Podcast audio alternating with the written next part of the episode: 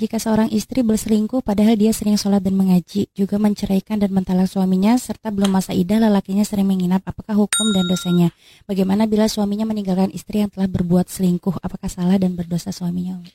Mohon penjelasan. Masya Allah, seorang wanita ini memang menjadi musibah yang banyak terjadi dan biasanya ini wanita-wanita yang melakukan seperti ini karena wanita tidak menjaga dalam masalah komunikasi dari tontonan, ya pergaulan, ya Makanya sebenarnya kalau ada so istri yang berselingkuh ditanyakan kepada suami gimana anda menjaga istri anda, hmm. apakah dibebaskan dengan handphonenya, dengan sosial medianya. Harusnya seorang suami itu hendaknya menjadi imam. Imam itu bukan hanya sekedar orang yang menjadi nafkah, tapi yang bisa memberikan tarbiyah dong.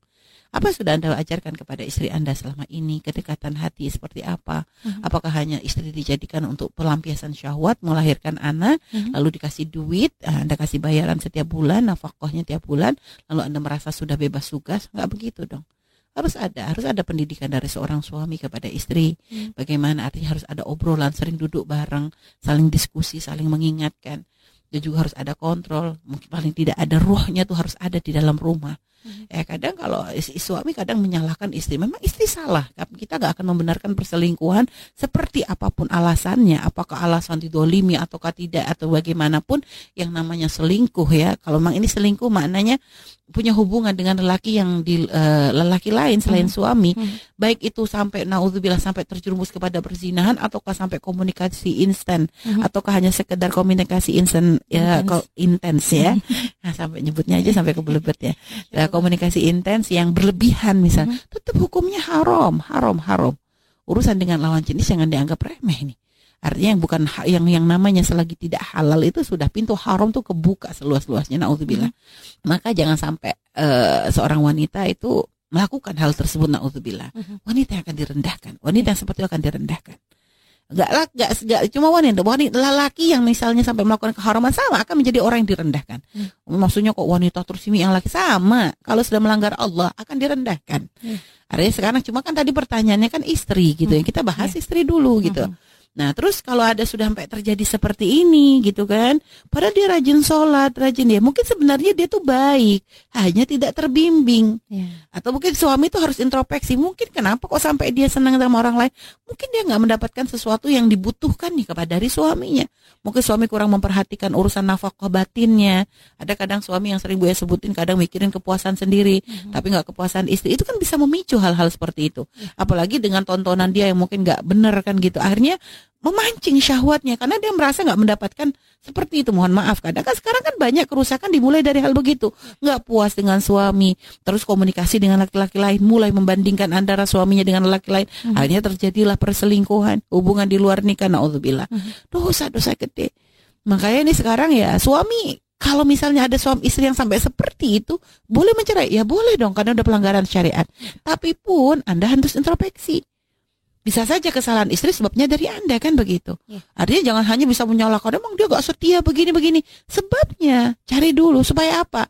Minimal kalau emang Anda gak bisa bertahan dengan pernikahan yang ini Anda menceraikan. Supaya nanti kalau Anda menikah lagi jangan terulang lagi gitu loh. Ya. Belajar dari kesalahan. Kadang perlunya kita introspeksi dia itu tadi untuk supaya nanti ke depannya lebih baik. Kalau memang Anda sudah nggak mungkin karena ngerasa ah dia sudah berhubungan dengan laki-laki lain, mungkin menurut Anda sudah Anda sudah merasa jijik atau sudah nggak mungkin lagi untuk bisa, ya sudah. Itu masalah rasa nggak bisa dipaksakan.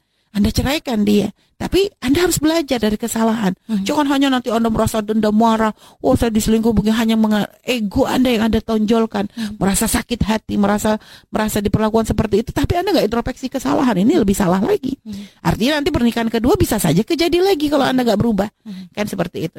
Jadi ya, naudzubillah kita kalau sudah sudah tadi Anda kata dia rajin sholat, tapi dia sudah nggak usah ngomongin dia rajin sholat atau nggak sholat. Hmm. Selagi dia sudah melakukan keharaman dosa gede bagi istri Anda. Itu sudah hukumnya gimana? Ya jelas hukumnya dosa gede nggak bisa ditanya lagi cuma hmm. sekarang karena ini kayaknya bertanya adalah si suaminya hmm. atau mungkin orang yang kenal dengan suaminya tadi gitu ya artinya itu harus disampaikan introspeksi hmm. supaya nanti jangan hanya bisa menyalahkan dan tentu tugas anda sekarang kalau memang anda nggak bisa lagi menjadi suaminya maka doakan doakan supaya mantan misalnya si istri tadi wanita tadi mendapatkan hidayah dari Allah artinya ya semoga nanti setelah mungkin dicerai oleh suaminya mm-hmm. nanti bisa menikah dengan lelaki tersebut gitu ya dan nanti mendapatkan petunjuk. Allah nggak mustahil kok. Mm-hmm. Allah bisa memberikan hidayah kepada siapa saja yang Allah kehendaki. Hanya bagi para wanita hati-hati. Jangan main-main urusan seperti ini. Dosanya gede. Termasuk dikatakan durhaka kepada suami itu itu efeknya bisa lebih gede daripada durhaka kepada orang tua. Mm-hmm. ya artinya ya akan bisa saja Allah berikan musibah dalam hidupnya. Mm -hmm. Mungkin nanti bisa saja dapat suami yang lebih jahat lagi atau nanti bisa dapat ya artinya jangan macam-macam. Mm-hmm. Kalau ternyata ada kedoliman suami atau mungkin anda nggak mendapatkan kebahagiaan dalam pernikahan, ada solusi saling komunikasi. Coba semakin dekat kepada orang soleh untuk mencari petunjuk atau bagaimana.